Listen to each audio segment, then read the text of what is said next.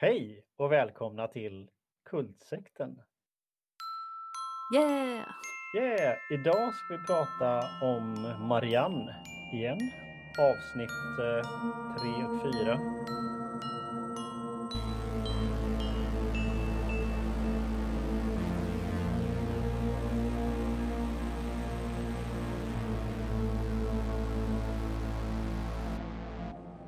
Men vi brukar ju följa en liten sån här eh, form varje avsnitt där vi först pratar om hur, vi, hur det är med oss. Ja, Eller- och så vilka vi är. Ja, precis. För Just det, vi skulle, börja, vi skulle börja presentera oss. Just det. Yes. Uh, mm. Vi Jag kan heter- ljuga om våra namn. Ja. Kan vi eller kan vi inte? Vad sa du? Nej, vi kan såklart det eftersom vi inte är häxor. Liksom. Men, ja. Jaha. Mm. Men eh, jag tänker ändå tala sanning och säga att jag heter Anna-Maria Olsson. Eh, och jag är... Nu, tänk, nu tänker jag ta ett jävligt stort kliv här och tänker säga att jag är skräckexpert. Mm. Så. Jag tar ett lite, jag tar ett lite mindre steg och säger jag heter Henrik Johansson och jag är skräckamatör. ja. Men bra. Mm. Sen så är det så att det är en av oss som håller på professionellt med skräck och det är kanske du, eller? Men skitsamma. Eh, hur är det med dig? Det är bra med mig. Jag... Eh, nu börjar jag prata om skräck och Marianne ändå, om det är okej. Men Mm. eh, jag såg ena avsnittet så här på dagtid Mm. och eh, sen så såg jag nästa avsnitt innan jag skulle somna i Mm. sängen när det var mörkt.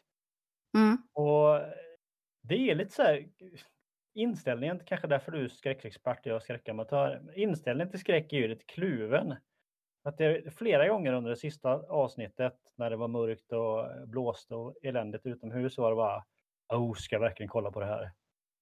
Det här är för läskigt, nu måste jag ta en paus och kolla Facebook istället. Åh, pausade du för att det var för läskigt? Men då pajar du ju skräcken. Då gör det ju det mindre läskigt. Ja, men det är ju det som är meningen också. Men då pajar du ju det. Vad håller du på med? Ja, men jag, eh, jag måste ju leva också, eller hur? Nej. jo, men det är klart. Nej, men jag, för, jag förstår ändå. Men Ibland det är kan ju det bli... liksom att hålla fram, det är liksom att hålla fram kudden för ansiktet lite grann ibland. Ja, jo, jo, men jag fattar. Och det är ju många som gör så ändå. Att man delar upp det för det blir för mycket annars. Liksom. Man måste ju hålla känslomässigt. Och den är läskig den här serien. Men samtidigt är det ju det är också lite gött att ligga där nerbäddad och när det är varmt, kallt utomhus och mörkt. Och så sitter man och tittar på någon fransk snut som sitter på en hamnpir och läser i en eh, gammal rättegångshandling mot en häxa från 1500-talet. Ja, ja. Underbart. liksom- Det är underbart. Ja. någonstans. Det man bara... Nu kommer snart blir det en jump scare här liksom. Men jag vet inte om det är lite med skräck som med knark. Så här att man, man liksom saknar kickarna efter ett tag och behöver mer och mer och det eskalerar liksom. Ja, Eh, för jag kände nog aldrig, alltså det är nog väldigt sällan, alltså jo men viss body horror och så, alltså när det är så här tortyrporr och det liksom känns mm, äckligt. Mm. Då kan jag behöva pausa, men då handlar det nog mer om, alltså då är det nog inte så här bara, oh detta är för bra eller för läskigt, utan då handlar det nog mer om att bara, den här regissören och den här filmen, det här är, det är liksom inte riktigt okej i detta, vad håller de på med? Alltså om du Mm. fattar att det är någon annan, det är någon slags, ah, jag Mm. vet inte. Det, det är kanske mer så att jag inte jag vill se färdigt filmen för jag inte tycker den är sevärd. Liksom. ja, ja. Mm. Men det låter supermysigt att ligga under ett täcke och kolla på eh, läskig fransk skräck. Ja, Ja. det är någonting också faktiskt att det är, det är ett skönt avbrott att inte se på engelsk eller amerikansk skräck faktiskt. Ja. Ja. Jag önskar att, Mm. att man hittade mer och att det fanns mer tillgängligt. Och så. Det finns en, em, finns en tysk serie som heter... Vad heter den? Hålet. Mm. Jag kan kolla upp det till Ja, nästa gång. Men det eh, finns en, en tysk skräckserie. Ja, kanske någonting sånt. Ja, jag vet inte, jag, jag kommer Ja, inte riktigt ihåg. Men jag kan kolla upp det till nästa gång. Den kan också vara rimligt sevärd. Delvis också för att den utspelar sig i ett annat land. Det är inte bara språket utan det är också naturen och Mm. alltså de sociala spelen och hur allt är lite annorlunda. Det är väldigt befriande. Ja men exakt, jag känner att det är så här eh, den här snuten till exempel. Man kan liksom, då, det, vid något tillfälle blir det som att jag tänker så här hade aldrig en amerikansk snut gjort. Nej, nej. Eller jag vet inte om någon snut hade gjort det, men man hade inte gjort en, man hade inte porträtterat dem så heller. Nej, exakt. Eh, Sen finns det, du Mm. håller på att översätta från danska, det finns en dansk skräckserie som är lite åt zombiehållet. Det är ingen zombieserie, men där är ändå den känslan. Mm. Den heter The Rain. Den finns ganska många säsonger. Okej. Mm. Den borde du verkligen se, The Rain. Den finns på Netflix. Mm. Jag ser också det som att eh, jag måste läsa och titta på danska regelbundet för att eh, hålla mitt, min danska flytande. Mm, men ta den då, för det är, det är bra skådespelare, det är rolig casting och det är en... Ja, det är lite spännande, det är lite dans, det är, eh, vad heter det? Det är lite eh, Malmö och med också, det är alltid kul. Mm. Se sin egen... Ja. Det är, alltså det är så jävla sjukt, dansk tv visar liksom Malmö mycket mer än svensk tv gör. Så att om man vill... Ja. om man vill se serier om, om Malmö så får man kolla på danska liksom. Ja, ja, jag vet inte, jag vet inte riktigt hur Malmö. Om det är lite så här Köpenhamns smutsiga lillebror eller bara Mm, lillebror. mm. Eller. Annars, Jo, det, annars så jobbmässigt sett så är det det faktiskt att eh, nu måste jag börja lite så här ackordaktigt att så här, ja men typ översätta tre sidor om dagen liksom. mm, Hålla, hålla ett visst tempo och hålla ett högt, eller ganska, i alla fall ett, ett tempo liksom. Jag kan inte riktigt eh, göra vad jag vill på samma sätt liksom. Hur känns det då? För jag, tänker, jag skiter egentligen i ett jobb, jag tänker mer hur det är med dig. Du Mm. behöver inte svara om du inte vill, men jag tänkte om du missar att svara på det. av- Ja, det är lite upp och ner i det. ja. Ja, Men, hur, så du, men det här med, ja, det är upp och ner. ja. Mm. Ja, Hipp som är happ. Hur är det själv? Jo, men det är lite, jag inte, upp och ner med mig också. Jag tycker det är grymt skönt att vara typ ledig. Och det är rent hemma och god mat och liksom. Alltså man orkar laga mat och så här. Jag tycker det är skitgött. Mm. På ett Vi sätt. försöker Men, vardagslyxa till också lite grann här hemma. mm, Eh, och det känns ju också som så här, ja men det är, eh, liksom, det är en världspandemi och många är arbetslösa så man är ju inte ensam i det. Mm. Liksom. Men det är helt, det finns, jag vet ingen som får tag i Arbetsförmedlingen. Det är liksom, Arbetsförmedlingen är en myndighet som har försvunnit och jag är lite beroende av dem så det känns ju lite besvärligt. Så, alltså, Ja. jag vet inte, det känner mig som jag flyter omkring i någon slags vakuum, att det finns ingen, alla sådana grejer som ska hålla fast en, gör att man har en framåt och en bakåtriktning och att allting är liksom, och alla sådana är borta på något vis. Jag bara, oh Mm. men då bakar vi valnötsbröd idag och, eh, alltså så här att det är, jag vet inte, ett, ett varande som skulle kunna vara väldigt naturligt och bra men det blir inte det. Jag tror också en anledning till att det Mm. inte blir det att man träffar ju nästan inga människor. Nej. Och jag, är inte, jag upplever inte mig själv som så här supersocial. Jag, som sagt, jag kollar gärna på skräck varje kväll. Mm. Men, men eh, jag saknar bara, alltså du vet så att bara, barnens kompisar bara kommer hem här och hänger. Ja. Att det inte är någonting man måste fundera över eller, alltså jag saknar vissa vänner som man också bara brukar sitta i deras kök och dricka en kopp kaffe. Och Mm. sen gå, gå hem igen. Att det är såna, de här små sakerna är liksom borta. ja. Också- jag vet inte jag vet hur länge. många- Ja. Hur, det var väldigt länge sedan vi såg fysiskt nu. Eller? Ja, ja det är pisslänge sedan, verkligen. Nej, Jag träffar så gott som ingen annan vuxen eh, faktiskt. Alltså än min käresta. Men Mm. Jag måste säga att jag, jag jobbar som volontär i en förening nu. Det, är också en, Ja. det tar mycket av min tid. Och där träffar jag ju människor och också nya människor.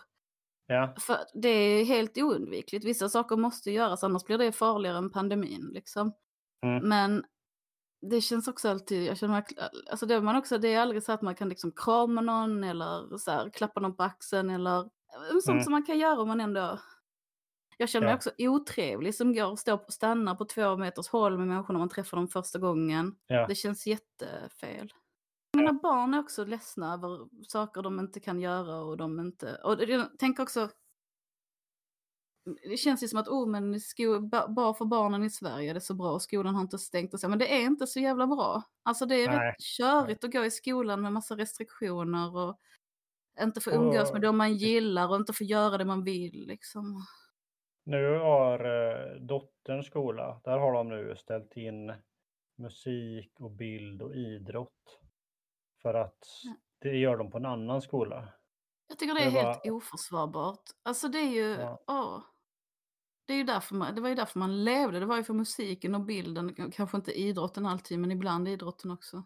Ja, men det är, något fys, det är de liksom, fysiska och kreativa grejerna som är borta. Mm. Liksom.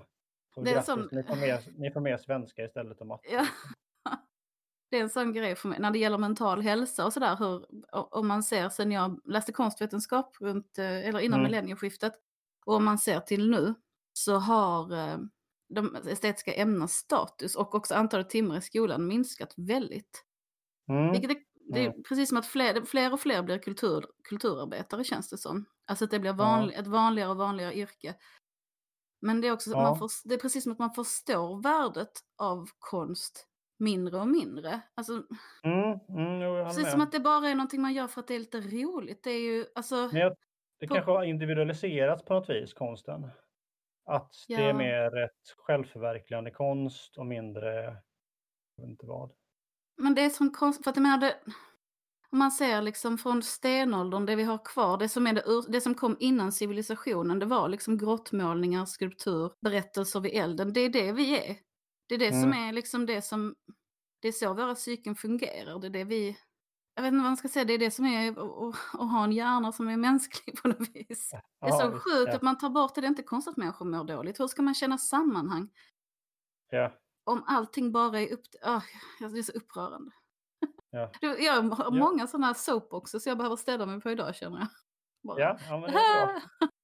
Men jag tänker att det, min allmänna känsla är så här att det är att inte ha någonting att se fram emot men ändå gå och vänta. Förstår du vad jag menar? Mm, mm. Men sen så har jag Mm. ju, vi har ju väldigt tur att vi flyttade in i det här uh, ruck, inte ruck, vad ska man säga, det här huset som inte, vi köpte ett hus 2016 som inte var beboeligt Mm. och som vi sedan bor i och rustar upp. Ehm, och det är ju kul. Mm. Det kan man ju hålla på med, allt sånt som man kan göra själv kan man ju ägna sig åt nu. Så huset blir ju väldigt mycket finare. Ja, Det är ju vi skönt. Det ganska, kan- eh, ganska ordningsamt hemma nu också faktiskt. Ja. Kanske för att vi inte eh, liksom har några planer på helgerna på samma sätt. Eller inte några planer, men lite, jag förstår vad du menar. Man har inget att göra så man kan lika gärna städa. Exakt. Det låter inte kul. Hysteriskt skratt. Här. Ja, ja precis. Jag är så Ja. jävla trött på det. Alltså, ah. Mm. Men vi har, ändå, vi har ändå jättemycket tur. Som sagt, jag är en person som ändå på något sätt gillar att vara arbetslös. Jag har mycket mina egna kreativa grejer jag kan lägga tid på. Som att jag Mm. gör en pod- podcast idag. Det känns ju skitgött att inte Mm. behöva skrapa ihop ledig tid till det jag kan göra när jag vill. Alltså, Mm. jag, jag borde känner jag borde egentligen inte klaga. Men jag är skittrött på den. Ja, men det får man väl vara. ja, man får ju det. Vi ska prata om avsnitt tre idag, eller hur? Om Marianne. Och fyra. Mm. Det stämmer. Jag har, ja, jag har sett det. Börja med, eh, jag hade inte fattat att de två var bröder. De här två, två av hennes gamla kompisar. Eh, heter de Armand och Tonio? Jag kommer faktiskt inte ihåg vad de heter, jag har bara kallat dem fiskarna. Ja, Eh, ja. Avsnitt tre heter Jag är inte lätt. Vilket Mm. jag tycker är en... ehm, det är en jättebra titel på det här avsnittet tycker jag.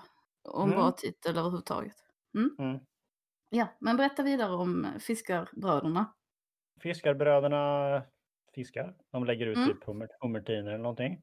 Och eh, pratar om... Och bara säga att det heter, på skånska heter det rusor. Yes, det visste Mm. jag inte. Mm. okej. Eller ja, tiner är någonting som jag bara har hört på tv. Mm. Ja, de lägger ut rusor. Mm. Ja, och eh, den äldre brodern liksom antar att den yngre brodern och Emma låg efter den här superkvällen som de hade. Vilket de inte gjorde och han bara varför gjorde du inte det? För hon ville uppenbarligen ha dig ungefär. Och den yngre brodern är så här eh, lite att, eh, att nej men han ville inte liksom. Eh, och lite som att han, delvis kanske att han var intresserad av henne då och inte nu. Eh, Men lite också för att han, lite som att han inte vill förstöra sin ungdom, minnet av sin ungdomsförälskelse. Typ. Ja, men, ja, men han pratar om någon slags Mm. vemod eller sorg. Eller ja, förlåt, Ja, han eh, går ut i vattnet Och där blir det lite så här, vad är det här runt omkring? Och det, man fattar inte det förrän senare, vad det egentligen är för någonting. Han lyfter upp någonting som man här, bara det här är en del av ett djur på något sätt, en svans eller någonting. Mm. Som han sen så bara uh, släpper ner liksom och tittar sig omkring och så ser man att det är stora djur på botten. Men man kan Ja. inte riktigt se om det är valrossar eller... Och jag förstod liksom det är. inte så här, håller han på att bli attackerad här eller vad är det som händer liksom? Ja, för han, precis det är skådespeleriet som bär det, att han tycker det är så obehagligt. Ja, Det, annars hade man kanske nästan kunnat tro att det var stenar. ja. Vi kan ju återkomma till vad det var för någonting. Mm. Sen, så kommer, sen kommer prästen och står nere vid havet och sticker med sin hund. Han kör omkring med en hund. Det är någonting som jag tycker ofta händer så här nere mot, i södra Europa. Avbildas folk väldigt ofta kör omkring med en hund på ett flak. Att hunden Mm. sitter liksom inte inne i bilen utan den är bak på flaket. Mm. Ja, han står och tittar ut över havet och tittar på kossorna och sen tar han sin hund och åker till kyrkan. Och där sitter en tant som vill bikta sig. Och han Mm. blir så här skitirriterad och bara du biktade igår och jag har inte tid med dig, jag har riktig ondska och tatu. Du, liksom, du är inte ond, typ. Du vet inte vad ondska är. Mm. Jag, tycker det, jag tycker prästen är jätterolig. Så aggressiv och besvärlig och bara... Äh, Jag liksom. gillar också det. Ja, men det är så här. Ja, men det, han är... ja, men lite exakt. Han... Nu är det allvar och då är inte han... Kom inte här med dina små synder och bikta dig liksom. För det, finns, det finns verklig ondska liksom. Ja, Och, och dina små synder liksom. Kör upp det är bullshit typ. Ja, det- Jag satt en riktigt sådär trött på henne. Och bara, Ja. han verkar också tydligt att han tycker att hon biktar sig för mycket och för ofta liksom. Ja, men hon känns som en så här själslig hypokondriker liksom. Kanske. Men jag tänker att folk eh, går väl och biktar sig för att de vill ha någon att snacka med lite grann. Eller förstår du menar? Ja, nej, jag har aldrig riktigt förstått bikten. Som, Nej, jag har aldrig gjort det, jag har aldrig... jag tycker konceptet med bikt är ganska spännande. Förut. Ja, oh ja. är... Och det känns också så här, eh, alltså man kan ju se det lite så här, men bara, oh, men man kan ju hitta på lite vad man vill och sen kan man bara ångra sig efteråt. Så det Mm, mm. Ja, dels finns det den, men sen är det också någonting... Nej, men katolicismen är intressant. det är så otroligt intimt att bara gå utan att se någon och bara gå och berätta sina hemligaste synder. Alltså, Mm. Ja, ja, men spännande är verkligen. det. verkligen. Ja. Men sen, sen byter man till det här huset där Emma växte upp. Där Mm. Camille får syn på Emmas mamma i skogsbrynet. Hon står där naken. Mm. Eh, och så hämtar de in henne och ringer polisen och då kommer den här rånaren, den här roliga polisen som känns som han är lite så comic relief. Han, han är Ja. liksom lite knäpp. Han är Eh. knäpp och han är lite, kufig, lite knäpp. eh. Ja, men inget så här chock och att de munkar eller liksom, alltså ingen av de klassiska tropesen utan mer att han är så här, Nej, inte den här uh, bufflige, ingen Gunvald och ingen, ah, han är liksom, ja, vet inte riktigt vad man ska säga. Ut, han liknar mer någon slags bibliotekarie liksom, förstår du vad jag menar? ja precis. Men när han kommer så har mamman väl låst in sig eller någonting och vill inte prata med någon och så pratar de genom dörren och då berättar mamman för polisen att eh, Emma har att det, den starkaste kärleken som finns är moderskärleken och att, eller så, Mm, den ovillk- ovillkorliga kärleken till ett barn och Emma har förstört den. Ja, det är hårt. Och att det tog Nej. lång tid och hon, hon bröt ner den efterhand och nu finns den inte kvar. Och mamman säger att hon bara låtsas älska Emma nu. Mm. Och Ehm, den är, avsnittet heter, heter ju Jag är inte lätt. ja, Och det är Och lite det- det, jag är inget lätt barn liksom. Mm, nej, men, och ingen lätt kompis att ha och sådär. Och då säger Mm. Emma som hon säger så mycket här, hon säger förlåt genom dörren. Mm. Så här, förlåt att jag har gjort allt jag har gjort. Men hon blir ju inte Mm. alls förlåten där. Alltså, Nej, det är lite så här, det är för sent för det. Liksom. jag mamman säger till och med sluta med dina jävla förlåt eller jag är Trött på det. Så då, går, och då gör de någonting fint tycker jag. Som jag har pratat om innan, att de super vid havet. Camille och Emma sticker dit och tar varsin shot liksom. Eh, fast sen tar Emma tio till och blir svinfull och sen blir de bjudna på middag hemma hos Seby. Som Mm. är hennes gamla kärlek, eller Seby. Jag vet inte hur, man, hur uttalar man det? Seby. Ja, Seby, Seby kanske. ja. Seby. Sebastian.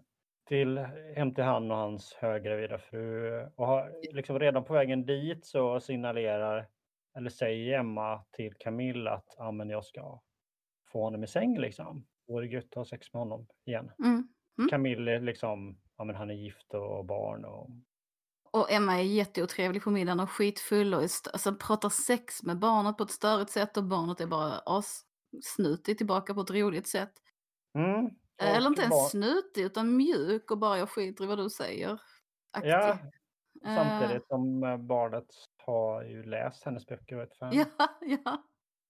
Eh, vilket ju, det är ju ändå en 10-12-åring liksom, så det känns ju avancerat. Mm, Ehm, ja, hon är också jätteotrevlig mot Sebys fru. Som ändå Mm. står på sig på ett bra sätt.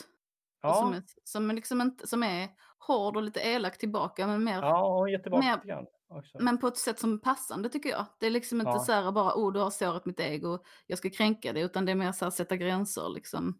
Och det, alla tycker ju, liksom hon är, Emma är jobbig, men Camille börjar liksom, man börjar känna att hon börjar få nog liksom.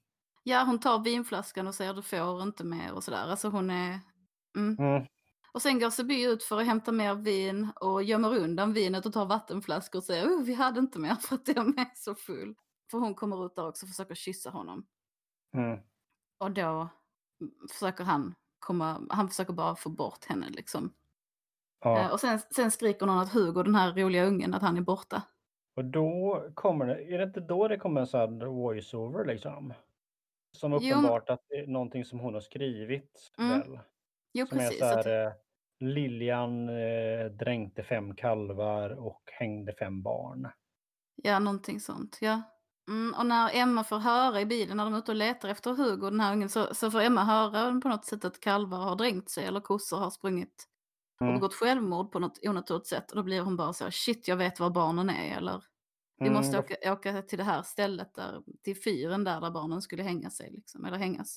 Ja, Det är creepy, man ser barnen gå dit och kasta upp sina hopprep och liksom, ja, ja men Ja. kämpa för att hänga sig.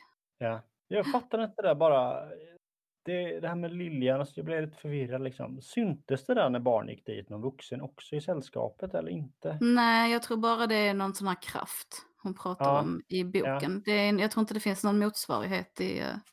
För det var då, då började jag fundera så här, ska liksom Marianne försvinna nu och det dyker upp en ny häxa som heter Lilian och ja. Ja men Lilian var ju någon man som, som gillade häxan eller någonting va? Mhm, det har jag missat tror jag. Ja, sen, sen tar Camille igen fram, hon har några gånger viftat med en jättestor stilett, vilket jag tycker är roligt, för hon är ju någon sån här, hon är Mm. verkligen en sån här liksom gullig flicka, duktig flicka människa. Hon, hon är ingen Men hon har en skelettperson, liksom. Nej, men hon har en sån här riktig, ja hon har mördarstilett, så den kommer ju bra till pass nu och skära av alla hopprep, så hon och Seby för ner alla barnen. Men Emma sitter fast i bilen för hon får inte upp säkerhetsbältet.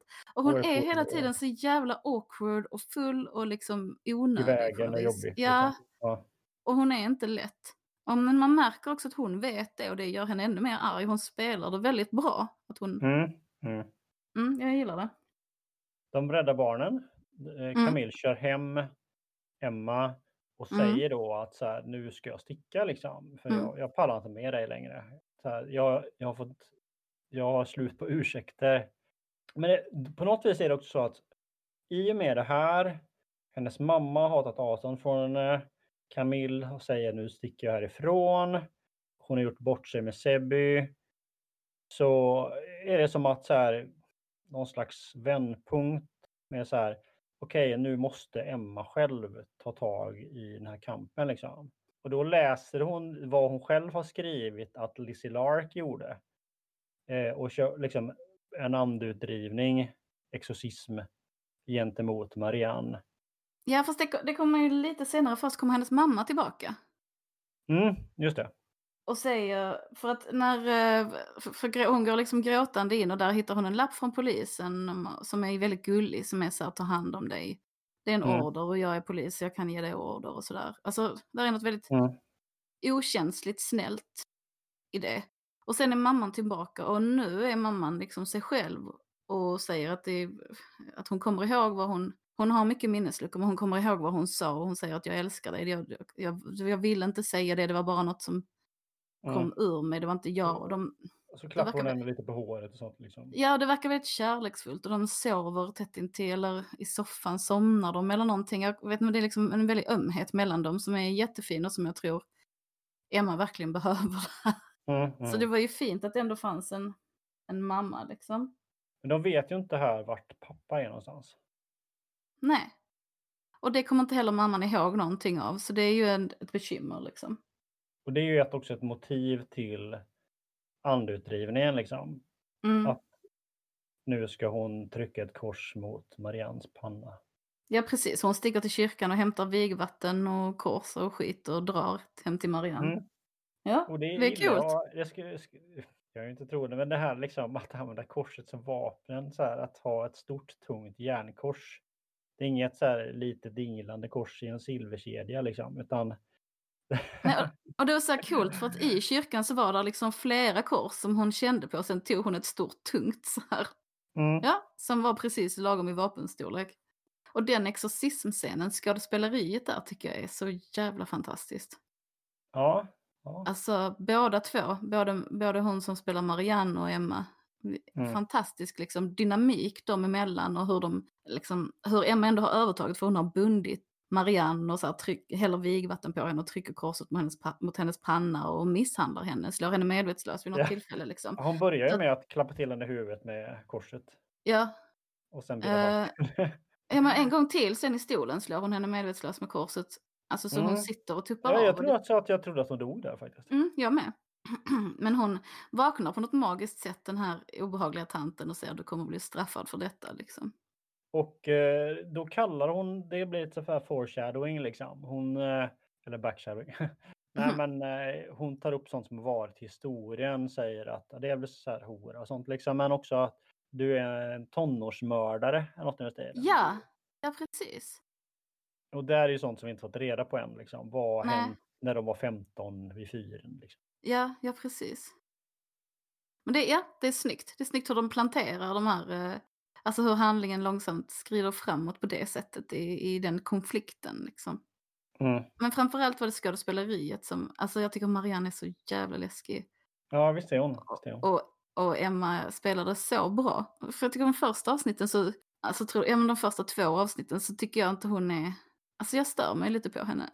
Ja, nej, men det känns Och så att- känner jag inte så mycket annat, men här bara någonting lossnar liksom. Ja, nej, men jag tycker att det är någonting som lossnar för Camille också i det här avsnittet.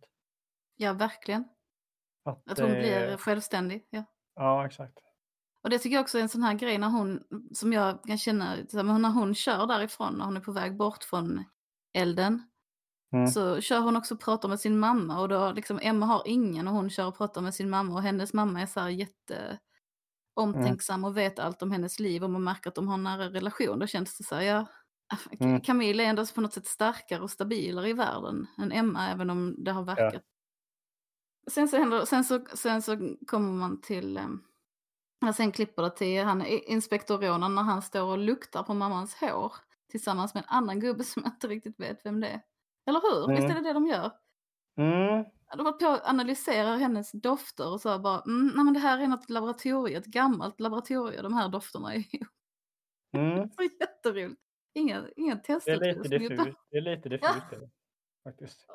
Oj, nu slog jag till min mick. Ja, det är lite Ja. diffust. Ja. Men, på det är också udda, de här ju- dansk, eller franska gamla gubben, eller den här franska gamla gubben som är där, oh, de här existerar inte tillsammans i naturen, de här dofterna. Ja. Men det finns inget som säger att de har fått dem samtidigt. liksom. Ja. Men i alla Och- fall, då kommer de på att det är ett gammalt labb. Som det måste Ja. komma ifrån. Så han går till ett gammalt industriområde och snokar. Ja, eller om det är en gammal labb, eller om det är laboratorium på en gammal skola trodde jag, men det förklaras inte riktigt. Men när, när eh, Camille är på väg från elden Ja, så, visst är det säga elden? Eh, så får hon också samtal om att Emma har lagt från amerikanska förläggaren eller vad det är. Att Emma har lagt ut det här nya kapitlet på sin blogg och det är ett kontraktsbrott. Liksom. mm. Och, och, att det där står liksom om de här fem barnen och eh, kalvarna och det är då liksom det. Men hon läser väl det och det är då det liksom då trillar polletten ner för Camilla Mm. att, Mm. att Emma håller på att skriva fram nya mord så att säga. Så då måste hon tillbaks igen. ja. Och jag tycker det är också så spännande den här sköra, labila Emma som är i center av allting. Och som också på något sätt hittar på historien men samtidigt så hittar historien på henne. Att det hon, är, Mm. hon är liksom maktlös inför det där på något sätt som är spännande. Som jag hela tiden tänker på bara. Men skriv, att, skriv Marianne svag liksom. Men det går visst inte. Ja, exakt. Eller skriv bara något helt annat. Bara eh, skriv rappakalja liksom. Där ingen skadas liksom. Skriv en uh, klatschig hela och halvan komik av det. Mm, ja precis. Men hon får Men väl måste senare reda på, eller vi får reda på att, att det finns någon slags speciellt band mellan Emma och Marianne. Ja, och jag tror inte alls att, att Emma har liksom, kontroll över vad hon skriver. Jag Nej. tror att Marianne har henne som kanal på något vis också. Det är vä- Mm. väldigt spännande. Ehm, men sen hittar de pappan i det här, vid det här labbet, om det är i skolan eller i någon industrilokal. Uh, med en massa ljus, så han ligger och mässar någonting väl? Eller hur är det? Ja, eller liksom På knä, ligger i något jättekonstig. Jobbig, konstig, jobbig ställning. Så han tas till sjukhus liksom av Ronan. Och, och Ja. ringer väl dit Emma då också. ja, precis. Och säger att, de har, att någon har sett eh, någon i röd luvtröja attackera Dogerion eller någonting. Ja, ja. Eh, och Emma bara, ja men det är inte jag. Mm. Eh, och- och sen så, så åker Emma hem igen och då är det blod på trappan. En stor bred trappa upp i huset. Helt så här, det rinner blod över hela den och hon går upp och det är blodspår och en stor blodpöl. Och hon följer och sen kommer hon fram och så hittar hon sin mamma död. Mm. Och igen fantastiskt skådespeleri, tycker jag. Mm. Ja. Jättesvår sak att spela och man har ju sett människor spela tusen gånger. Men här, jag tyckte det kändes trovärdigt liksom. ja liksom hon blir, det är som att hon blir rädd och inte vill gå fram istället för att skrika rusa fram eller sådär. Utan att, ja. Ja, och Och det liksom tar... inte vet hur hon ska reagera, lite chockartat. Ja, och inte riktigt kan tro vad hon ser först och så. Alltså, Mm. jättebra. Och sen hör man en sån här elakt skratt. Och då sitter Alltså- Marianne längst upp. Ja, på övervåningen sitter hon och hukar med en kniv och skrattar och är så jätteobehaglig. Ja, Ah, och då eh, tappar Emma besinningen och rusar fram och stryper henne. mm. Eh, Tills hon mm, blir, börjar bli medvetslös. Och då kommer Camille och slår undan Emma och börjar göra HLR på Marianne för att hon ska börja andas igen. Där fick jag en sån fet jump scare. Jag vet inte om det är när Camille kommer bakifrån och tar tag i Emma eller vad det var. Liksom, jag blev bara ah! Ja, men där, för det har varit så himla mycket känslor och så intensivt så där är det ju, Ja. Mm. det är jättejobbiga scener alla de. En sak som dyker upp extremt svart snabbt klipp där. Jag vet inte om du såg det. Det, det liksom så när de försöker få liv i henne och försöker Mm. göra HL, HL, H, hjärt-lungräddning. Mm. Eh, så går liksom kameran upp över Marians ansikte. Och jag pausade och startade om flera gånger. Och det ser ut Mm. som att det är som att i den här bilden som finns på Netflix lite grann, att hon har liksom en huva för huvudet Mm. delvis. Med, ja, med, ett bränt, med ett bränt kors liksom. Mm. Ja, men det så, jag, såg det ganska tydligt, jag behövde nog inte pausa det. Men det är Ja, okej. samma typ av inklippthet som har varit innan fast mycket kortare. Ja, För att innan har det ju varit liknande saker som har klippts in och så har man inte riktigt sett dem, man har bara sett det blinka till. Ja, en förlåt. sak som Marianne säger till Emma under kampen här är, Mm. som jag liksom fastnade för lite grann, var att eh, om du dödar den här kroppen så kommer jag bara ta en ny och Mm. då kommer jag ta din pappa. Mm. Och det, jag- hela, ja. det som är känns, Marianne känns ju väldigt oövervinnlig.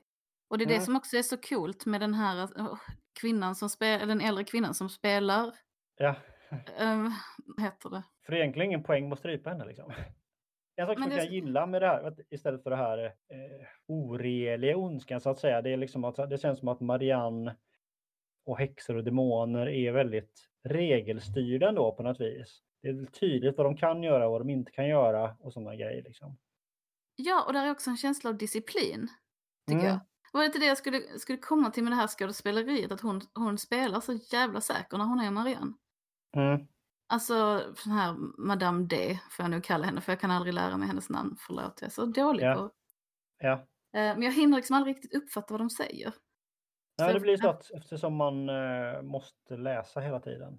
Ja, Så Ja. det blir inte samma sak som att lyssna på engelska. nej, nej precis. Men hon i alla fall, hon spelar så o... Alltså det är precis som att det inte går att rubba henne. Att där är bara Mm. så här, men nu, jag ska gå härifrån till hit och jag ska spotta den här måsen i ögat och jag ska skrämma den här ungen. Och så gör Mm. hon det som en jävla militär liksom. Jag vet, det- jag tänker så att det är så mycket ondska som porträtteras som så oreelig liksom. Som Mm. så vild och besinningslös. Men så är ju verkligen inte Marianne liksom, utan hon är i kontroll liksom. Beräknande och hård. Mm. Ja, det är väldigt läskigt. Och det känns som, det känns som en fin, ett- som på något sätt en verklig bild av våld eller, alltså, Mm. Mm. det finns många typer av våld, men det känns som, ja, här maktutövning. Maktutövning, så institutionaliserat våld fast Ja. personifierat så att säga. På något sätt. Ja, det är väldigt spännande. Eh, Ehm. jag måste erkänna att jag trodde ju då att Madame D dog. Ja. Det verkar som det, för det flyger liksom någon ande ur hennes mun, men det är kanske Marianne som flyger ut, det vet vi inte. Ja, det måste Men det vara. Men jag tänkte liksom att, hon, att det betyder att hon dog Ja, ändå. men det gjorde hon inte, men däremot så puttade hon Camille ner för trappan så att Camille blir medvetslös. Men hur, är, lyckas hon göra det? Hon är ju strypt. Fattar Ja, men hon, men jag kommer inte ihåg att hon så flög längs, um, alltså hon rynkar ihop mattan, hon inte flyger, du, glider Ja. längs golvet av sig själv och hon rör sig liksom, det är Ja. inte hennes kropp som, hennes kropp rör sig inte med musklerna men kroppen rör sig. Och det är, Ja. jag tror det är det som skrämmer Camille så mycket så att hon backar bak Ja, snabbt hon, och trillar ner för trappan. ja. Men sen en sak som inte jag fattade förrän nästa avsnitt. Det Mm. var ju att Camille faktiskt blev skadad liksom. Ja, precis, och nu är vi på avsnitt fyra. Ja. Vi kan bara tycka hoppa in på det direkt. Ja, eh, och där måste jag säga att det är inte så att det är mängder, men just det känns som en sån här filmgrej att folk blir så allvarligt skadade när de trillar ner för trappor. Ja, ja. För jag menar, det är klart att man trillar till trappor. Jag tror att massor av människor har gjort det hela dagarna. Men det, man kan ju bli illa skadad men det är inte normalt att en 25-åring typ slår Liksom- ihjäl sig för att de trillar för en vanlig trappa. Liksom. Nej, och hamnar i respirator gör hon va? Man får lite det måste- blåmärken ungefär. Alltså, så här, Ja, ja, det blir väldigt, väldigt Ja, det de har som väldigt film- otur. Det är en sån filmgrej på något vis. Mm. För att det bör... Ja. Avsnitt fyra heter Det är ett vackert ögonblick. En bra titel igen. Tycker jag. Som, jag tror den är dåligt översatt. Men jag tror, tycker att det är... Den fångar avsnittet. Mm. Så det var, syft, så det var syftar den på. Ja, Alltså det här, det här avsnittet innehåller ju flera sådana här, äh, vi kan ta det när vi kommer till det kanske, men det in- innehåller ju flera så här kramar och nära förtroliga samtal och så. Jag tänker att det syftar på det. Beautiful moment heter det på engelska. Mm. Vad var det heter? Franska vet jag inte. Och det börjar med Camille i sjukhussängen och så pappan i sjukhussängen bredvid. Och så Emma som sitter på golvet mellan dem och är helt förstörd. Ja, är, Och så hennes mamma som har dött. Ja, också. så det är illa. Och sen så kommer väl, jag vet inte hur, kommer inte ihåg hur det gick till, men det gamla gäng, kompisgänget kommer typ och hämtar henne eller de träffas Mm. och hon säger förlåt till Seby att hon var så otrevlig. Och sen tar de allihopa hem, Emma hem till henne och lagar mammans Ja. fyllda jävla tomater. Ja. Och eh, Sebbe säger liksom att jo, men jag är ändå här för dig. Liksom. Mm. Och sen, sen så sitter, sitter, när de sitter där och ska försöka äta de här fyllda tomaterna som inte hade blivit bra, färdiga, för Aurora har försökt göra dem men inte lyckats riktigt. Mm. så har Emma massa flashbacks. Jag tycker det är så himla fint för att man ser liksom lite ur hennes perspektiv och hon tittar ut på kompisarna och sen så här de här bilderna som flashar av mammans död och hur hon mår dåligt. Men hon säger inget och gör inget. Mm. Men man märker ändå så tydligt att kompisarna ser det. Ja, och ger henne en Sen- kärlekskram. Ja, det är jättefint han den här yng- yngsta fiskarbrodern bara tvingar alla att ställa sig upp och omringa henne och krama henne. Något som de tydligen gjorde, Mm. alltså någon typ av kram de gjorde när, eh, när de var Unga. yngre väl. Ja. Ja, jätte, jättefint. Och så ser man Emma gå från det här liksom gråa, hårda ansiktet till ett mycket mjukare, Mm. mjukare ansiktsuttryck på ett jättefint sätt. Eh, och sen börjar hon så här, som hon gör, att skämta elakt om att de... Jag kommer inte ihåg vad hon säger, men hon säger sådana taskiga grejer till dem. Och så skrattar Mm. de och så. Ja. Ja. Och så säger de Inkompetent, men... att, hon ska ta en dusch och tacka så mycket för allting. Men egentligen Mm. så sätter hon sig och smygsuper och är för sig själv lite grann. I, Hon fejkduschar, ja. Har du gjort det någon gång? Har du fejkduschat? Nej, det vet jag inte om jag gjort. ett sjukt bra sätt när man liksom är... För att jag menar hon är ju tacksam, hon vill inte såra dem och säga jag vill vara Ja. själv och jag orkar inte mer. Men hon behöver en stund för sig själv. Alltså, det är inget ju- tips alltså. Fejkduscha för fan. Det är jättebra. Men man Jag behöver inte supa. Men... Kanske inte duscha, men jag- eller så här. Det har absolut hänt att man har gått på toa fast man inte behövt om man säger så. Liksom. För att ko- ko- komma undan fem minuter liksom. Det är ett jätte, kan vara ett jättebra sätt att bara ställa om liksom. Mm. Man kan ju... också bra. För min, duscha är ju för min del så här som en kopp kaffe lite grann. Förstår du vad jag menar? Ja, jag tänkte ju säga det att man kan ju också börja med att fejkduscha och då får man liksom lite energin till att duscha på riktigt och sen kan man känna sig piggare på alla sätt. Så det är, det är en Ja. superbra strategi. Hon Ja. kryper ihop på golvet och super istället så det ska väl inte med, alltså jag Ja. tror inte att de porträtterar det som en bra strategi utan snarare bara som att hon inte håller ihop. Men Ja. Ja. jag tycker ändå det är ett försök att copa Ja, lite ja. konstruktivt. Är det inte så att hon, när hon reser sig upp sen, så är det någon som har skrivit i den immiga spegeln Eskri! Ekry! Jo. Eller är det eskri? Ja. Jag skriver, jo det står där i spegeln, det stämmer. Mm. Hon är aldrig liksom, det finns inga fristäder för Emma. Finns inga fristäder, inte ens i duschen får hon vara fri från Marianne. Och så ringer Ja. det på och då är det polisen. På tal om att aldrig få vara i fred. Den äldre fiskarbrodern är lite så här protective och så här, äh, men jag tror inte hon vill följa med en polis just nu liksom. Så, Hennes mamma. hennes mamma begravdes idag och han är jätteotrevlig mot polisen på ett sätt som man, man kan inte vara så mot poliser. Alltså Mm. generellt funkar ju inte det. Alltså, Nej, det men jag tänker att, att han också har ett polishat liksom. Ja, oh ja. Eh, men den här polisen blir, är ju bara så här, åh nej vad det är idag hon begravdes, helvete. Att tyvärr, jag Mm. måste ha med henne. Att han, han är så himla mänsklig på ett sätt som är Mm. overkligt. Tänk, Ja, alltså, han, är, han är inte liksom eh, så van att bli åtlydd, om du förstår vad jag menar. Som Nej. polis är. nej, och han, nej, precis. Och han har inget av det där Marianne Inte det här, inte det här, pondusen. jag är polis och jag har rätt. Han Nej. har liksom inte det. Och det är sympatiskt. Väldigt, verkligen. Eh, men Men, han, han måste ändå ha med sig Emma. Oavsett vilken dag det är så är det någonting polisarbetigt. Madame D har eh, vaknat till liv men är nu blind.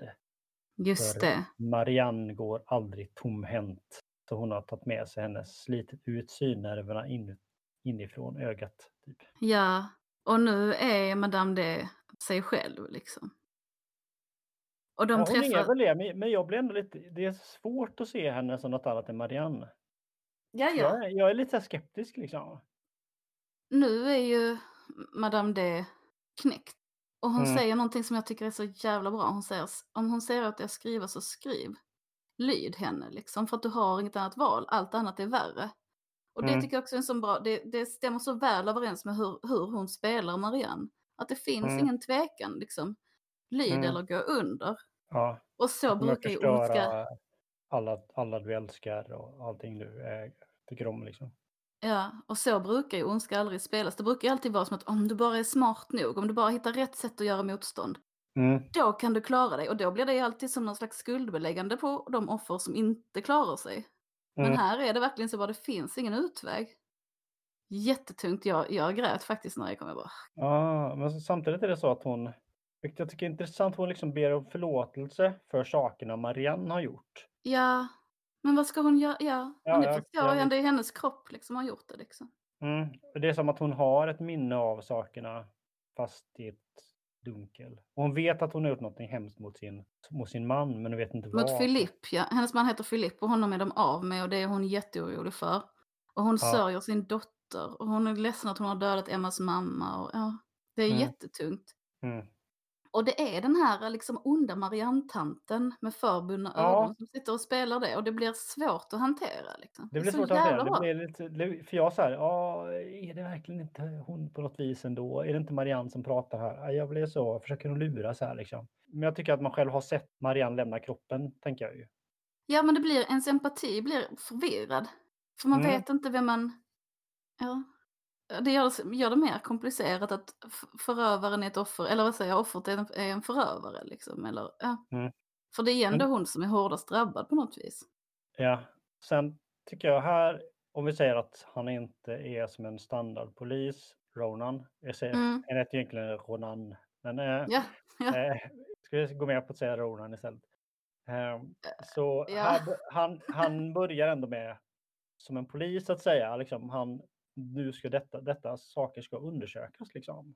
Och Ja. Det ska grävas fram bevis och man ska hitta system och mönster. Han går liksom lite mer systematiskt tillväga och försöker på det sättet bygga upp något slags motstånd. Liksom. Och då ska han leta rätt på grundmarian så att säga. Alltså, eller åker han till butiken först, gör han? Alkemibutiken, vad kan man kalla det? Magi. Magibutiken. Ja, men, nej, men sen tror jag att det klipps till att de är och letar efter Filip i Marians hus faktiskt. Mm, just det. Ja. Ja. Så är det. Så är det. Och Mm. där, det där, tittar de, där hittar eh, polisen en massa symboler och de hittar en gubbe sittande i ett rum fullt med sådana här häxpåsar. Och han har liksom hudfyrkanter utskurna över hela kroppen som påsarna har skapats av. Mm, han han, lever fortfarande. Ja, först är han alldeles tyst och jag tror de tror han är död. Och sen Mm. klipper Ronan, eller Ronan, en påse och då börjar han plötsligt säga någonting i stil med Alltså sånt där eh, Ja, skumt. Man Han håller på skitlänge, han slutar man liksom tänker inte. sig att typ alla hans tänder är utdragna. Ja, det är de nog för det är så jävla många påsar som hänger i det taket. Alltså hur...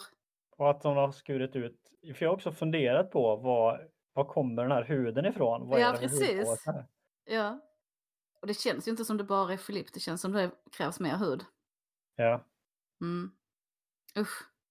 Ja men sen klipper ehm, eh, Ronan en påse till och då faller Filip ihop på stolen där han är fastbunden på ett sätt som får mig att tro att han kanske dog. Mm. Att han kanske hölls vid liv genom magi, men jag vet inte. Lite så tänker jag också. Att det är på något vis så att påsarna håller honom vid liv för att vara någon slags eh, odla hud, hudodling. Mm. Och då börjar väl eh, liksom Ronan titta på symbolerna och sånt också på de här grejerna. Mm. Och sen är det någon klipp när han kör så här typiskt fransk väg med gräs på båda sidorna. Och jag fick sån här coronalängtan efter att resa när jag såg det. Oh. Han kör i alla fall till någon annan fransk liten by, jag tror där magiaffären var. Men han magiaffärsinnehavaren håller på att stänga affären och bara skriker typ försvinn, du har förstört mitt liv. liksom. Mm. Sen du tog hit den här påsen har min fru gjort slut, jag har fått flytta hem till min, eller min flickvän gjort slut och affären har gått dåligt och jag har fått flytta hem till mina föräldrar. Typ så. Men han tvingar honom att samarbeta, att säga. Eller tvingar, Mm. han övertalar honom. Men han är också sådär uppgiven. Den som har gjort de här sakerna är otroligt mäktig. Det finns ingenting att sätta emot och det är bara att fly. Ja, och, och när de, jag vet inte om det är nu eller om det är senare när de har ett samtal så säger magiaffärsinnehavaren, men typ att om du verkligen ska göra det jag tror du ska göra så vill jag säga hej då. Och Mm. den här buffliga snuten räcker fram handen för att liksom säga hej då. Men äh, magiaffärsinnehavaren kramar om honom och säger hej då. Liksom. Som att verkligen som ett så här, sista avsked. Liksom. Ja. Intrycket här är att polisen kommer från någon annan del av Frankrike där man beter sig lite annorlunda och är, är, är, har lite andra sociala koder och sånt. Ja, kanske. Eller så är han bara stel. Alltså, Ja. Men det, han, är ju ändå, han ska ju ändå vara någon slags, eh, om, han ska vara omtänksam. Det är inte som att han är stel och okänslig utan mer att han, Nej, jag måste bara säga om polisen, också, han verkar han läser ungdomsböcker och är skitimponerad av författaren. Och, alltså, han verkar också vara lite, alltså han verkar ju vara en kuf som du sa. Mm. På ett positivt sätt, men ändå. Ja. Ja, för det är också så att det är inte den här klassiska snutgrejen som är Nej, men det är klart att det inte finns några spöken och häxor. Du ska utreda det här som ett vanligt brott. Utan han är helt inne på att eh, det här är häxor och demoner liksom. Ja, ja. Det var, så här, det var detta han hoppades på när han tog det här fallet som han ju tog för att det var en skräckförfattare. Alltså det känns Mm. verkligen så. Ja, Men jag gillar det, man har inte, man har inte hållit på att tvivla en massa. Alltså, nej, det är, Nej, väldigt, det är, det är väldigt, det är väldigt lite tvivel i den här serien om man jämför med många andra. Det känns som det är Emma nästan som tvivlar mest. Alltså i Ja. början, att hon vägrar inse att det är verkligt. Sen när hon väl börjar fatta det, då är det Mm. allt. Då Det är är det liksom fram med vigvattnet liksom. Mm. Där är också någonting som, som imponerade på mig när ehm, polisen visar den här symbolen som fanns i Marians hem för magiaffärsinnehavaren. Så Mm. säger han, den har inget namn. Den är Mm. tab- utan den är bara det är ett ordlöst tabu. Senare kommer det fram lite mer vad det är, men jag tyckte det var väldigt coolt. Bara. Utanför, utanför orden. Voldemort. Då säger han också att det var något som användes av häxor i den här bygden förr. Och, att, och han pratar också lite grann om att det ehm, har varit häxbränningar och så. Och det, Mm. det tycker jag också är intressant att vi, den goda sidan här, den sidan som vi är på, det är ju Mm. liksom inkvisitionens sida, häxbrännarnas sida. Så det, Ja. är också, det är också en rolig liksom, twist i serien att Mm. ons, Mm. det som i verkligheten var ondskan är här det goda och det är ju ofta så. Ja, ja. Men här blir det lite tydligare. Jag gillar det Absolut. jättemycket. Ja. Och då så ber han sig till kyrkan för att hitta åtalen och häxregistren från förr. Liksom. Men fattar du vad som händer där? För prästen kommer och de bråkar och jag fattar inte deras bråk. Jo, men jag fattar att som att Berätta, vad är det som händer? rätt. Ja, men det är så här. Eh, vi ser att Ronan, visst jag säger Ronan, han anländer till kyrkan. Ja, Sen, sen kommer klippet till prästen. Prästen kommer Ja. in i kyrkan. Då är Ronan redan där. Och det Ja. som har hänt är alltså att Ronan har gått in i kyrkan. Har brutit upp ett, ett skåp. Och, Ja. Eller en sån här, vad heter de här möblerna? sekretär. en sekretär. Mm. Och tagit den här flera, flera hundra år gamla boken med domar mot häxor. Han har Mm. Ja. tagit den och gömmer den bakom, att har den bakom ryggen eller vad det är han har. Liksom. Ja. Och det ser prästen och, och, och liksom konfronterar honom med det. Så att prästen säger... Så han bara blånekar, det han gör där är, förlåt. Ja, han blånekar. ja, Han blånekar. Han bara blånekar mitt i, Jaha, för jag fattar inte, vad försöker han åstadkomma här? Vad är, vad är min liksom? Men det är bara att han blånekar. Bara, Han, för, han för blånekar. polisen säger ju så bara, oh vilken allvarlig anklagelse. Mm. Och det, alltså, För där är det också så ovanligt att den här rollerna är så pass att prästen här är ju stenhård liksom. Ja men Han också, bara- också, Och han, och han typ hotar snuten med en spade typ. Eller Ja. bara, ge tillbaks boken. men verkligen, det är jättekort. Är ingen, ingen mjäkpräst Nej. och, och ingen standardsnut liksom. Men det är också, prästen är fortfarande jätterolig för när han kommer in så säger han till snuten så här, bara vad gör du här? Och snuten bara, det var öppet. Så säger prästen, kyrkan är alltid öppen. Men överdriv inte. Så Ja, Håll inte på att gå i kyrkan en massa bara för att du får. Liksom. Ja, bara, Hon har mycket sådana här grejer för sig. gästfriheten har sina gränser här. Liksom. Ja, lämna mig i fred. Ja, Jag tycker de är jätteroliga. Och det är också en sak som jag verkligen gillar med den här serien. Att alla, alla gubbar i stort sett är lite så här comic relief. Ofta är de som är sub- subjekten. Men här är det de som är lite så här. mm, Den löjliga sekreteraren som brukar vara lite rolig bredvid. Det är liksom prästen och polisen. Ja, det är bara Astrid Lindgren som gör det annars. Medans hjältegänget är det gamla punkgänget ungefär. Liksom. Ja men precis. Och han snor ju boken rätt upp och ner. Ja. Vilket också är lite så här. Han låtsas att han ska tillbaks den. Och sen bara fintar han honom och springer förbi istället. Vilket De är så typ trass, de är så småungar liksom. Där kunde jag tänkte jag väl att han vid ett tillfälle liksom. Vet du hur svårt det är att läsa 1500-talstext? I Ja, alla fall, i, i min Ja. tanke är det. verkligen. Men det kanske Men, han kan. det, men han är ju en ovanlig typ. Så det Mm. känns som att han mycket väl kan vara, liksom. Det kanske är annorlunda i Frankrike också. Det kanske inte har ändrats så mycket, de är ju lite mer. Ja. Nej, trogna sin Det kan, det, kan, historia. det, kan, det kan vara lite större förändringar i Sverige, det skulle inte förvåna mig. Men han tar ju tillbaks boken till eh, sin eh, magibutikskompis, liksom. Mm, mm. Som då har kommit fram till att den här symbolen är Belet. Det är en demon, demonkung som basar över 85 härskaror. Jag var tvungen att googla sen. Och det, Här beskrivs han ju som kejsaren över katter. ja, det är exakt. också så Ja, jävla bra. ja så här, katternas kung. Ja. Och det, är, det är den ondaste och farligaste demonen. Liksom. Det är det man Ja. är mest rädda för. Mm. Ja, Rimligt, bra. Men där, där finns som en underliggande humor i det hela tiden. En, liksom en nerv av trams. Fastän det Mm. är så jävla jo, obehagligt. jag, jag håller med. Jag håller med. Ja. Jag gillar det. Jag tycker Ja. det är en...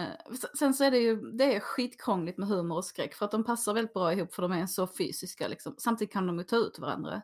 Det är Ja, omöjligt att vara glad och rädd samtidigt. Så det är, Mm. det är komplicerat. Men jag gillar det väldigt mycket att det inte är som vanligt här. Utan att den, Mm. det roliga och det läskiga interagerar på ett annat sätt med varandra. Och det, det har ju sagts i någon tidigare ramsa eller någonting om att Marianne är liksom gift med en Mm. demon. Och här läser, och det är ganska fint när prästen läser för att det blir som de här gamla illustrationerna, Mm. medeltida. De blir lite som tecknade filmer liksom i, Mm. i hans läsning. Eh, Och där är ju mycket sånt lek med bildspråket som jag tycker mycket om. Och framförallt det funkar väldigt bra. Vad tycker du? Tycker du det tar en ut ur Nej, jag handlingen? tycker det funkar. Jag tycker det funkar. Det är lite så här träsnittsaktiga grejer. Och ja. Mm. Men det är ju delar av eh, motiven är ju verkligen sånt som man inte gjorde på medeltiden. Alltså man, man, Ja. man ritade inte så. Men det funkar ändå. Det, sånt kan bli väldigt plastigt och störigt. Och jag, jag kan helt tas ur det läskiga av det. Men här gör jag inte det alls. Utan Mm. här känns det mer som att det är magin och läsningen som får det att röra sig. Liksom. Eller att det händer inne i polisens huvud eller sådär. Liksom. Ja. Jag tycker det är väldigt bra. Det är coolt att de lyckas med det. För det är nog inte så lätt. Eller oftast blir det ju pajigt. Liksom. Ja. De snackar något om eh, Nürnbergs häxhammare Ja. eh, också. Som jag inte riktigt vet vad det är. Jag fick titta i mina anteckningar. Jag vet inte riktigt vad det är. Jag har inte googlat det. Men det låter ju coolt. Häxhammare har jag finns- hört förut. Ja, det jag vet inte om det är någon gammal... Det var, alltså, du vet, under häx...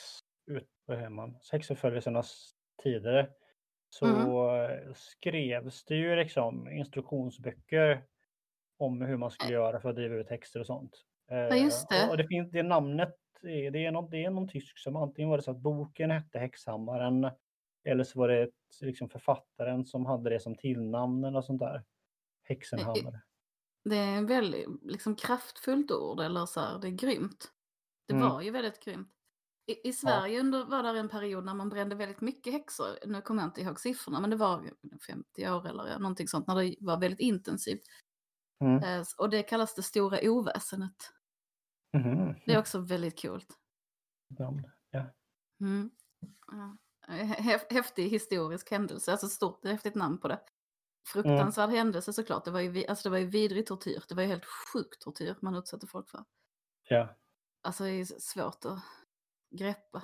verkligen. Men här är det som att det är, det är liksom Marianne och Belette som är de farliga. Det är inte de vidriga torterarna. Mm. Nej, Igen, det är nej. som att det är omvända tolkningar. läste, jag läste en del ganska bra liksom, feministiska artiklar om häxförföljelserna och sånt. Ja, Ja, bäst tips. du får jättegärna eh, tipsa mig eller lägga eh, tips på Facebook eller Instagram i relation till släppet av det här avsnittet om du vill. Mm. Mm. Jag tycker sånt är jätteintressant, jag läser mycket häx. Ja, men att det sågs, att man till exempel såg det som ett, ett, ett krig mot så att säga kvinnors fria sexualitet och kroppar. Liksom. Att man utrotade kloka gummor och kloka män. Liksom. Och så skulle, istället, så skulle prästerna ha människor i tukt och förmaning istället. Ja men, ja men exakt, man tog ju bort alla kunskaper om säkra perioder och preventivmedel och så. Det var ju mycket de, de kvinnorna exempel, som Ja. utrotades. Och det är Ja. ju jättebra för att om man inte, då vet ju prästerna vilka som har sex och vilka som, alltså Mm. inte helt, men det blir väldigt mycket tydligare vilka som har sex och vilka som inte har det och så. Det blir ju en kontroll. Ja. Mm, det är intressant. I alla fall, på tal om det, så eh, på något sätt är Ja. Emma, eh, på något sätt är Emma i alla fall på sjukhuset nu och ska vara med när Sebys bebis föds. Ja. På tal om kvinnors reproduk- eller reproduktion och sådär. Mm. Ja.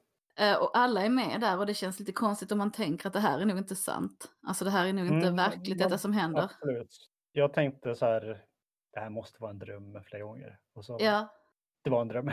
Ja, för sen så börjar eh, en, mer en, en, en liksom svartklättig som kä, i käre eller någonting Mm. eh, person, kom, en vuxen person komma ut ur den födande mamman. Sebys. Och hon, ja, Ja. och hon liksom skriker och dör och läkaren kryper ihop i ett hörn och det är väldigt sådär. Det är ju en trope på något sätt ändå det här. Och elektriciteten går och sånt. Ja, och det känns, det har man ju Mm. sett tusen gånger i olika skräckfilmssammanhang, att folk föder jävlar eller demoner, eller i V var det väl någon som födde en ödla. Alltså, Ja, just det. Jag tänker Det- också på eh, riket. Lillebror. Lillebror! Ja. Åh, jag älskar Riket. Fan, vi borde se Riket. Vi snackar ju nu om att vi vill se serier med, andra, med danska och andra språk och sånt. Ja, Vi kan, vi kolla på lite, kan vi inte kolla på lite filmer emellan här efter vi har sett färdigt Marianne och sen ser vi Riket? Ja, men det kanske vi ska Ja, göra. Jag, det, alltså jag- introt på Riket måste- är så jävla bra. Kan vi inte göra så att vi har ett avsnitt där vi bara pratar fejkdanska också? Jo, gärna. Ja, jag snackar mycket fejkdanska. Bra. Lillebror. Men lillebror är ju det äckligaste som finns. Vad heter han? Ugo, Udo heter U-? Udo, ja något i den stilen. Ja, alltså, ja. Första gången Ja. jag såg det jag kunde fan inte sova. Och vad som stille några grupper. Kommer du ihåg det? Nej. I källaren är det en, en psykolog som har alternativa behandlingsmetoder. Och så Ja. har han en skylt han sätter upp där det står stille några grupper. Vilket tydligen inte är danska som funkar. Och man fattar inte det. Och det är så jävla, och det kommer hela tiden. Jag tycker det är jätteroligt. Ja. Ja, ja. för Stille några grupper. Det är ett internt skämt jag har med mig själv. Okej, okej. Ja, det, kan, det får jag nog klippa bort. I alla fall så vaknar Emma ur um, Mardrömmen? mardrömmen. Ja, av telefonen. Eller hur? Eller? Mm. Som ringer och säger att nu ska se vi... vi Kom till sjukhuset. Ja, nej. Och Emma kommer dit och har panik. Mm. Och bara Hon så här, nej, måste- det, här, det kommer inte gå bra, vi måste in. Mm, för att de, nu är de ju i väntrummet som är mer normalt. Nu är inte de alla kompisarna inne i förlossningsrummet utan det är hon, Aurora och en av fiskarbröderna Mm. som sitter utanför och väntar. Mm. Eh, och då, tar, då sätter Aurora henne ner och säger att du beter dig som du gjorde innan du åkte för 15 år sedan. Mm. Det här är någonting fint, förstör inte det med din galenskap. Liksom. Ja, Eh, förstör inte det här med din galenskap. ja. Ja. Om det är ju ändå det är schysst av Aurora att göra det så att Emma ändå kan få lov att vara med och kan lugna sig och inse, alltså jag Mm. tycker ändå det är något fint i att konfrontera människor när de förstör Mm. sina relationer eller så. Ja. Men det är också, Emma handlar ju också utifrån en vilja Det- att rädda. ja, exakt. Och det är svårt att... Galenskapen gör ju rationaliteten lite svår, så att säga. Mm, mm. Omöjlig, kanske. Men sen blir det ju pappa och han är jätteglad och alla kramas och det blev en, en bebis. Liksom. Och, och Mm. jag tror att äh, Emma sen går in till sin pappa, eller? Och Camille som ligger bredvid varandra. Ja. Ja, så praktiskt att de fick samma rum. Ja, det tycker Det jag är är också lite sånt konstigt. konstigt. Ja. Ja, lite film känns typiskt mer verkligt i film än på verkliga sjukhus. Där, Aurora kommer i alla fall in där och vill prata om någon, Lucys, eller Lucils död Mm. med det, är, Emma. det är liksom första gången vi får ett namn och lite mer information om Mm. den som, vad som har hänt för 15 år sedan. Mm. Spännande tycker jag. Jag Mm. väntar på det. Och hon berättade ju att då var Emmas föräldrar väldigt snälla mot Aurore och hennes familj. Och kom dit och lagade mat och städade och högg ved och allt möjligt. Och tog hand om dem i två år, sa hon efter att Ja. Emma hade åkt. Ja, Så att egentligen kommer hon kanske in där för att, säga hej till Emmas pappa som hon verkar känna mycket kärlek till. Liksom. ja, Då kan man också tänka att Emmas mammas död är en stor förlust för Aurora, vilket hon inte alls har visat. jag håller med. Jag håller med. Ja. Mm. Eh, Sen, eh, jag, fatt, jag hänger inte riktigt med där, men jag fattar det som att Aurora har pratat, Lucille, eller Lucie, Mm. och Aurora hade någon slags närmare kontakt, att det kanske till och med var typ hennes syster eller någonting. Hennes lilla syster framkommer senare, ja. Eh, I, senare i detta avsnittet. Ja. Mm. Mm. Och att de har, att hon har kunnat prata med henne under någon seans och att hon Mm. mådde bra och allt och frid och fröjd, så att säga. Mm. Och Aurora verkar inte tro på seanser och sånt riktigt. Men hon, hon tyckte ändå mycket om den Ja, hon köper något känslan. Liksom. Ja. Ja. Men hon sa väl saker ändå. Jag tycker det känns som att hon trodde på den här chansen i alla fall. Mm. Eller? Ja, för att hon Eller- har fått reda att Lucy använder liksom smeknamn som inte, eh, ja, vad ska man säga? Ja, hon Som, kallar henne, ja, precis. Hon kallar henne Nanna och det var det ingen annan som gjorde. Och det, och det kom, framkom en massa saker som ingen kunde veta. Så det Ja. var, men, menar, ja. men det, det är väl också någon slags ett val att lägga ner Ja, det skeptiska tänkandet för att må bättre. Det tror jag många människor gör i... ja, för jag representerar en eh, teori inför nästa avsnitt. Mm? Ja, eftersom de sitter och pratar i, i samma rum som Camille och pappan Och, Mm. så känns, och senare får vi reda på att liksom, det dyker upp ett slags spöke av Lucy, som är då är Marianne på något vis, som åstadkommer detta. Mm. tänker jag att alltså, Marianne har ju tydligen så att säga varit på plats för att ha hört det här om Nanna och sånt. Och Mm. då tänker jag att det är Camilles kropp som hon tar nu. Ooh.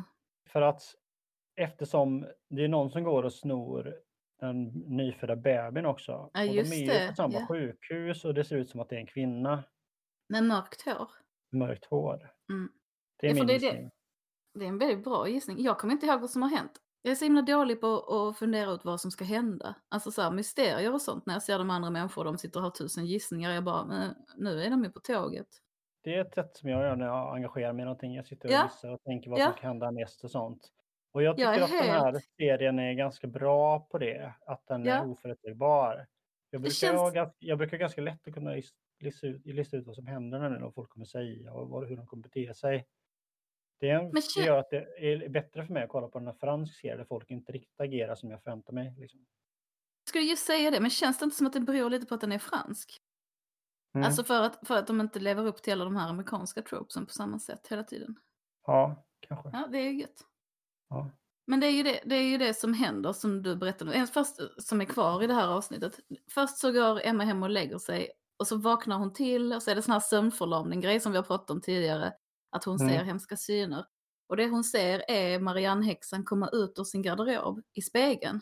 Men när hon Mm. tittar på själva garderoben så händer ingenting. Och när hon tittar på spegeln så är det händer och någon som håller på att komma ut ur garderoben. Och så tittar hon fram och tillbaka till det händer, det händer inte, det händer, det händer inte. Mm. Och sen plötsligt är Marianne vid hennes sida och tar henne. Mm. Alltså jag tror hon kidnappar henne eller någonting. Besätter henne, jag vet inte, men hon är där verkligen. Mm. Och där tänker man, som man tänker under tu- tusen gånger under skräckfilmer och sånt, att om jag vore Emma, man vet Ja. att Marianne nu inte har en kropp Ja, och letar efter en ny värdig kropp ut och härjar. Då ska vi naturligtvis ha ett gigantiskt kors vid sidan om sig och en blomspruta med vigvatten. Liksom. ja och, och 13 kompisar. Alltså Ja. jag tänker man vill sova i samma säng som sina vänner typ. Man vill ligga och Och- sova tillsammans. Och vitlök på köpet. Liksom. ja, precis. Och salvia och allting. Alla, alla skydd Mm. man kan komma på. Mm. En präst bakom hörnet. Mm. Det känns jättejobbigt redan innan hon börjar komma ut ur garderoben. Tycker jag det känns jättejobbigt att Emma ligger och sover själv. Mm. Hon har ju ingen kvar. Jag förstår att det blir så lite grann. Men också ofta är det ju så i, i, krissituationer har man ju svårt ofta att förstå hur mycket kris man är i. Det är ju först efteråt Mm. som man fattar att oj, där hade jag, det hade varit smart att ta emot hjälp där. Liksom. Ja, ja. Så det är inte helt, jag tycker inte det är helt kaos, men jag tycker inte hon borde varit ensam ändå. Alltså, Nej. mm. Men Marianne härjar loss rätt mycket här på slutet. Och Ja. eh, även eh, ja då, under Aurores säng och ja. För det tyckte jag var skitbra, det, hur Aurora liksom resonerar med det här spökbarnet som är hennes lilla syster under hennes säng och kanske Marianne. Mm, Alltså hon, hon, hon säger saker som ligg inte där nere.